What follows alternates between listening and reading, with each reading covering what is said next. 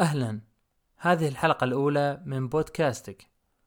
في حلقة هذا الأسبوع بنتكلم عن محور دائما ما يكون محور جدلي في الوسط التقني وبالذات بعد الإعلان عن الهواتف. آه، بنهاية العام فيه مؤتمر أبل في مؤتمر سامسونج حق ال Note في مؤتمر هواوي حق ال Mate وفي بداية العام أيضا في الربع الأول في مؤتمر ال S وفي مؤتمر هواوي P. ف في مؤتمرات كثيرة وبالذات لهواتف الفئة العليا فتتم نقاشات كثيرة عن أسعار الهواتف وعن غلاء الهواتف وبالذات في السنتين الأخيرة. وكثير من الناس آه، يسأل إلى أي مدى ستستمر الهواتف يعني في الارتفاع. قررت في هذه الحلقة أبين بعض الحقائق والمعلومات وسياسات الأسعار آه، عند بعض الشركات. والسياسات الأخرى للشركات اللي ما ترفع أسعارها وكيف تدير وضعها المادي في ظل الأسعار المنخفضة. وأيضا في نهاية الحلقة بإذن الله بنتكلم عن أخبار الأسبوع وبعلق على بعض منها. كثيرا ما يتم تداول هذا سعره رخيص وهذا سعره غالي وهذا سعره معقول. آه لازم نصنف اولا تصنيف معين بناء عليه نقدر نقول هذا سعره عالي هذا سعره منخفض هذا سعره رخيص. فعليا اللي غالي بالنسبة لي قد يكون رخيص بالنسبة لغيري والعكس صحيح. فأفضل طريقة للتصنيف هو آه إرجاع كل هاتف لفئة من الهواتف. آه الهواتف تنقسم لثلاث أقسام اللي هي الفئة العليا اللي تسمى flagship واللي تأتي معالجات Snapdragon 800 فمثلا عام 2019 المعالج الأساسي هو Snapdragon 855 أو ما يكافئه من معالجات Kirin من هواوي أو Exynos من سامسونج. آه، أيضا الفئة الأخرى اللي هي الفئة المتوسطة اللي تسمى mid-range آه، أيضا تأتي بمعالجات من Snapdragon 600 واللي آه، يكافئها أيضا من الشركات الأخرى. أيضا الفئة الثالثة والاخيره اللي هي ال low-end أو الفئة المنخفضة هذه تأتي بمعالجات Snapdragon 400 أو ما يكافئها من المعالجات الأخرى. من خلال هذه الفئات الثلاث نستطيع أن نصنف هذا هاتف رخيص هذا هاتف عالي السعر أو هذا هاتف معقول السعر متوسط. لو أخذنا الفئة العليا كمثال نجد أن في هواتف تحمل أقوى معالج موجود في السوق اللي هو سناب دراجون 855 تبدأ اسعارها تقريبا 400 دولار. وفي هواتف بنفس المعالج تصل اسعارها لأكثر من 1300 دولار. فبالتالي مدى السعر حق هواتف الفئة العليا من 400 دولار إلى 1300 دولار تقريبا. فلما يجي هاتف من الفئة العليا عام 2019 سعره 500 دولار ما اعتبره غالي ابدا لأنه في هواتف من الفئة العليا تصل اسعارها 1300 وأقل هاتف من الفئة العليا تقريبا 400 دولار. فسعره يعتبر منخفض مقارنة بالهواتف آه، من الفئة العليا اللي تحمل نفس المعالج. نقارن نفس السعر اللي هو 500 دولار لو أخذنا هاتف من الفئة المتوسطة عام 2019 500 دولار يعتبر سعر عالي نوعا ما لأنه هواتف الفئة المتوسطة بعضها آه، أو أغلبها يتراوح بين 300 و 400 دولار ف 500 يعتبر عالي نوعا ما. فهذا هو التصنيف الأساسي إننا نصنف حسب فئة الهاتف وحسب معالج الهاتف. آه هذا بداية عشان نتفق على أساسات معينة.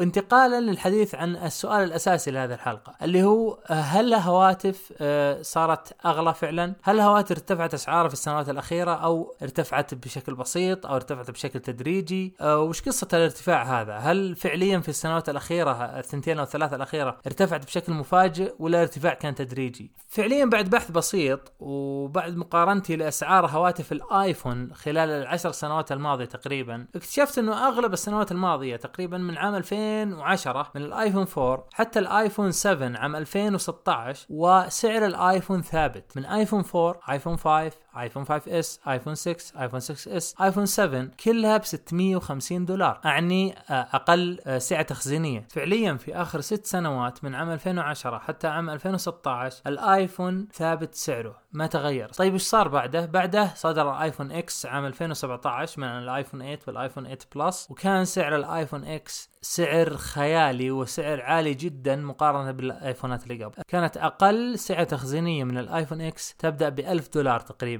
فكانت قفزة هائلة من 650 دولار تقريبا إلى 1000 دولار 350 دولار قفزة واحدة. ما سبب هذه القفزة وما سبب هذا الارتفاع المفاجئ السبب هو إنه أبل تأخذ نسبة معينة من الأرباح ولا تأخذ مبلغ معين. آه فأيام ما كانت تصنع الآيفون اللي هو من تقريبا 5 أو 4 5 6 7 كانت تكلفة الآيفون تقريبا تكلفة قطع الآيفون 227 دولار وكانت تبيعه ب 650 دولار فكانت تأخذ تقريبا من 60 إلى 65% هامش ربح في الآيفون X. حافظت أبل على نفس هامش الربح اللي هو 60 إلى 65% من السعر اللي تطرحه للمستخدم ففعليا لما طرحت الآيفون X ب 1000 دولار تكلفة الآيفون X هي 422 دولار. هذا الربح قد يكون يصرف أحيانا على مصاريف إدارية على مصاريف تسويق على مصاريف بحث وتطوير وغيره ولكن المقصود إنه هذا التكلفة الفعلية للآيفون 422 دولار والباقي هو مجرد أرباح. ففعليا أبل تريد أن تحافظ على ربح اللي هو يساوي ضعفي قيمة المنتج الحقيقية. فهذه النسبة اللي تساوي 60% تريد أن تحافظ عليها أبل ولا تريد أن تحافظ على المبلغ نفسه. المبلغ نفسه متغير بناء على تكلفة المنتج الأساسية. فلما كانت تكلفة المنتج 240 دولار أو 220 دولار في الآيفون 6 مثلا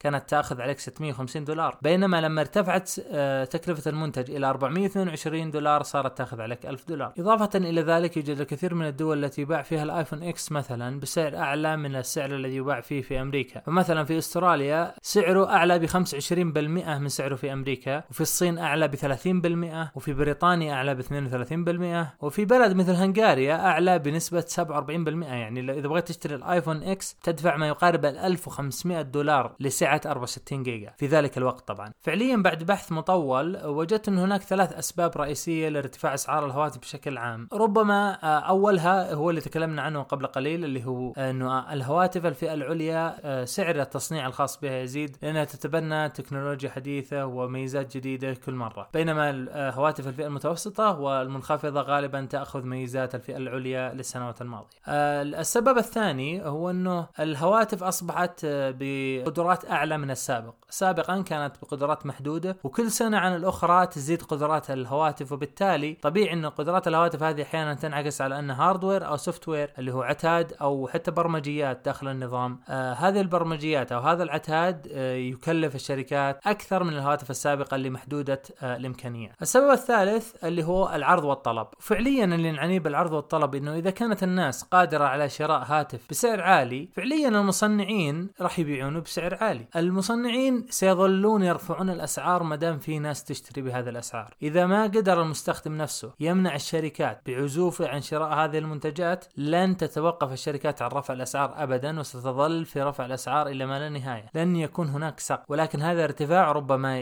يزيد من وتيرته ربما يقلل من وتيرته ولكن سيظل في الارتفاع مع الزمن. هناك نقطة إيجابية وسط هذا التشاؤم نوعا ما من ناحية ارتفاع الأسعار وهي أنه في كل قارات العالم تقريبا أسعار الهواتف أو متوسط أسعار الهواتف قاعدة تنخفض تدريجيا بالذات في آسيا. آه وذلك بسبب تواجد شركات مثل شاومي مثل فيفو مثل أوبو مثل OnePlus وغيرها من الشركات اللي قاعدة تقدم أجهزة قوية العتاد وممتازة بأسعار معقولة وأسعار منخفضة. آه طبعا المنطقة الوحيدة المستثنات من هذه الإحصائية هي أمريكا الشمالية والولايات المتحدة الأمريكية بالذات بحيث إنه الهواتف فيها قاعدة تزيد أسعارها تدريجيا. في إحصائية جميلة أيضا تدل على آه، الصرف الهائل الذي يتم على الهواتف خلال عمر الإنسان بشكل عام. في موقع آه، وضع إحصائية أنه الإنسان بين عمر 18 سنة إلى 75 سنة يدفع ما يقارب 75 ألف دولار فقط من أجل شراء الهواتف. إذا اعتبرنا أن الهاتف يتم تجديده كل 32 شهر أي كل سنتين ونصف تقريبا. ناتي للحديث عن الشركات الاستثنائية من ناحية الأسعار وعندي شركتين بتحدث عنهن باستفاضة نوعا ما اللي شركة شاومي وشركة ون بلس لو بدأنا بون بلس شركة ون بلس بدأت في الحقيقة في عام 2014 تقريبا بهاتف ون بلس 1 أسعارها من يوم ما بدأت وهي أسعار منخفضة معقولة. في البداية كانت عن طريق دعوات طبعا والآن تستطيع شراء الهاتف بدون أي دعوة آه، من خلال أي متجر منتجة ون بلس أو من الوكلاء المعتمدين. آه، لكن نقطتي هنا هي الأسعار. ما زالت أسعار ون بلس بلس مقارنة بالفئة العليا اسعارها معقولة جدا وأس... وأعلى سعر لهاتف ون بلس تقريبا وصل 750 دولار. فعليا ون بلس آه تعتبر تعتبر الشركة المثالية في أغلب الأصعدة. صحيح أن اسعار هواتف تخطت حاجز 700 دولار ولكن الأمر حصل فقط مع الون بلس 7 برو الأخير. ومن يقول إن هواتف ون بلس حتى لو كانت من الفئة العليا ولكنها تفتقد لمنافسة على مجالات مثل الكاميرا أو غيره نجد أنها أيضا تتفوق على المنافسين في مجالات أخرى مثل ال software وسرعة النظام وسلاسة النظام أيضا آه، دعمها للتخصيص بشكل متوازن. أما عن شاومي فهي شركه استثنائية أيضا فهي تطبق فكرة إبداعية جدا من ناحية التسويق واللي جذبت الكثير من المستخدمين من الصين والهند. الصين والهند تمثل آه، تقريبا ثلث سكان العالم أو أكثر. شاومي تطرح الهواتف من الفئة العليا بأسعار رخيصة جدا. ليش؟ مثل هواتف بوكوفون اللي تقريبا كانت بسعر 300 دولار مثل آخر هواتفها اللي هو ريدمي كي 20 برو. برو اللي يسمى شاومي مي 9 تي برو اللي يجي بمعالج 855 معالج السنة ويبدأ سعره تقريبا 400 دولار. ليش شاومي تعرض هواتف بهذا العتاد بهذه الميزات بهذه القوة بسعر رخيص جدا؟ السبب إنه شاومي قررت إنها تأخذ فلوس التسويق وتضعها بدلا من غلاء السعر. فبدلا من إنها تضع الهاتف بسعر 700 أو 800 دولار ثم تصرف عليه تسويق 300 400 دولار اللي هو من الأرباح قررت انه تحذف التسويق ترخص قيمة المنتج إلى حد عالي جدا بحيث إنه هذا الخفض للسعر يعتبر أكثر من مجرد تسويق. فعليا ما زالت تسوق لهاتفها شاومي ولكن خفض السعر بذاته هو اللي حقق لها الشهرة السريعة وبالذات في الهند تعتبر الآن تقريبا الشركة الأولى في الهند حتى تفوقت على سامسونج على ما أعتقد. هذه الخطة من رئيس شاومي آه، نجحت بشكل خرافي بحيث إنه صارت شاومي تصنع الهاتف بسعر 300 350 دولار وتبيعه ب 400 يعني فعليا ما قاعدة تأخذ أرباح ولكنها قاعدة تسوق لنفسها بشكل قوي جدا بالذات في الصين والهند. نقطة أخيرة أريد أني أعقب عليها اللي هي موضوع الأسعار للتقنيات الجديدة الاستثنائية. مثل هاتف الجالكسي فولد من سامسونج أو هواوي ميت إكس أو حتى الشاومي ألفا اللي أعلنت عنه آه، شاومي قبل فترة. هذه هواتف بأفكار جديدة ومختلفة تماما عن التصاميم اللي قاعد نستخدمها الآن. فلا يجي أحد يقول ليش أسعارها عالية وكذا. دائما التقنيات الجديدة الشركات صرفت عليها ملايين الدولارات في البحث والتطوير آه، لجعلها حقيقة بين يدي المستخدم. دائما في البداية تصير أسعارها عالية. بالتالي أصلا لا ينصح الكثير من التقنيين في اقتناء هذا النوع من الهواتف في البداية. فبالتالي آه، أفضل طريقة هي الانتظار سنة سنتين إلى أن تنزل أسعار هذه الهواتف. أخبار التقنية لهذا الأسبوع.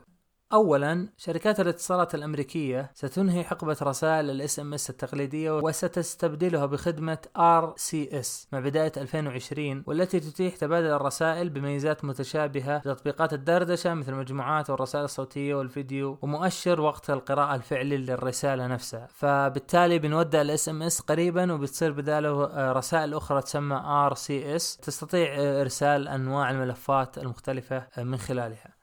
الخبر الثاني سامسونج أعلنت عن معالج إكزينوس 990 اللي هو المعالج الرائد لدى سامسونج واللي غالبا سيأتي مع هاتف جالاكسي إس 11 بداية عام 2020 طبعا المعالج يأتي بمعمارية 7 نانومتر وأسرع بنسبة 20% آه، عن المعالج اللي قبله وأفضل بالرسوميات أيضا بنسبة 20% ويدعم معدل تحديث شاشة 120 هرتز. الخبر الثالث معنا سامسونج أعلنت عن مودم إكزينوس 5G 5123 هذا المودم يدعم 2G 3G 4G 5G ويدعم سرعات 5G تصل إلى 5.1 gigabit per second وسرعة 4G تصل إلى 3 gigabit per second.